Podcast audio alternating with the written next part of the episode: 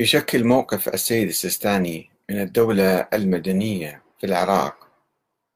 تطورا آه، مهما في آه، في مسيرة الفكر السياسي الشيعي.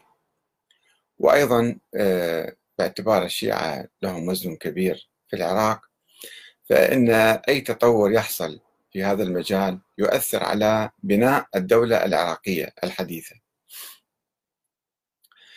في مقابلة آه، أخيرة لأحد تلامذة السيد السيستاني وهو السيد منير الخباس القطيفي. وهو من القطيف قال بأن السيد السيستاني يركز على بناء الدولة المدنية ولا يدعو إلى مشروع الدولة الدينية.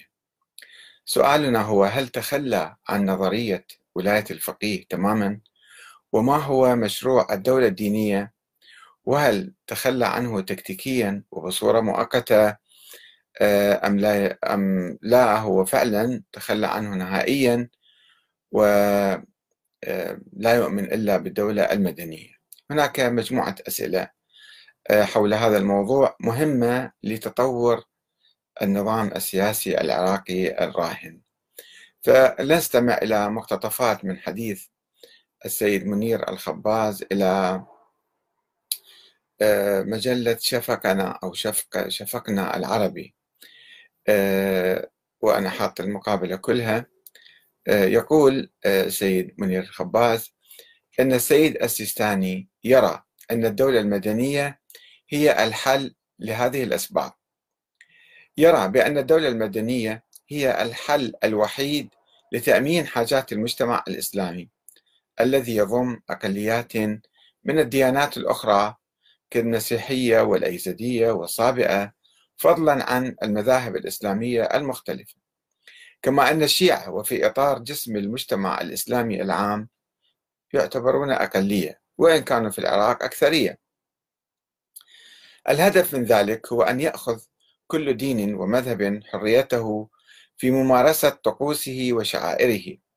والحل يتمثل في الدولة المدنية التي تقوم على صناديق الاقتراع والتمييز بين السلطات الثلاث يعني الفصل بين السلطات الثلاث التشريعية والقضائية والتنفيذية. فما لم نركز على إقامة الدولة المدنية في العراق لا نستطيع أن نوفر الحرية لأصحاب الأديان والمذاهب المختلفة بما فيهم المذهب الشيعي. فالإصرار على الدولة المدنية سيخلق صراعا عنيفا يبقى ويستمر مئات السنين ولأجل ذلك يدعو السيد السيستاني إلى التركيز على الدولة المدنية وهذه سابقة لم يدعو إليها مرجع أو عالم من الشيعة بهذا الوضوح. السيد السيستاني يطرح الدولة المدنية من المنطلق السياسي والاجتماعي لا لأنها الدولة الشرعية الإلهية ولكن كحل اجتماعي سياسي حتى يعيش الناس بأمان وسلام ويمارس كل دين حريته وطقوسه وحقوقه. اذا دور العلماء في الدولة المدنية هو النصيحة والإرشاد وليس التدخل.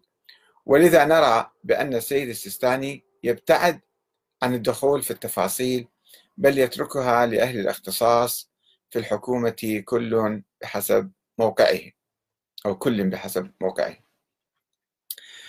في الحقيقة يعني ربما هذا كان أوضح تعبير عن موقف السيد السيستاني ورأيه لأن السيد السيستاني يعمل بصمت ولا يتحدث كثيرا ولم يكتب ولم يبحث هذا الموضوع في كتبه حتى مثلا نستطيع أن نرى أدلته بالتفصيل. ولكن باعتبار السيد منير الخباز هو تلميذه وربما تلميذه المقرب أيضا. فنحن نأخذ علما بهذا التطور. آه، ولكن في الحقيقة يعني هذا طبعا مهم جدا آه، الآن في بناء الدولة العراقية ولو في بعض المداخلات التي تعيق أيضا بناء آه، الدولة العراقية.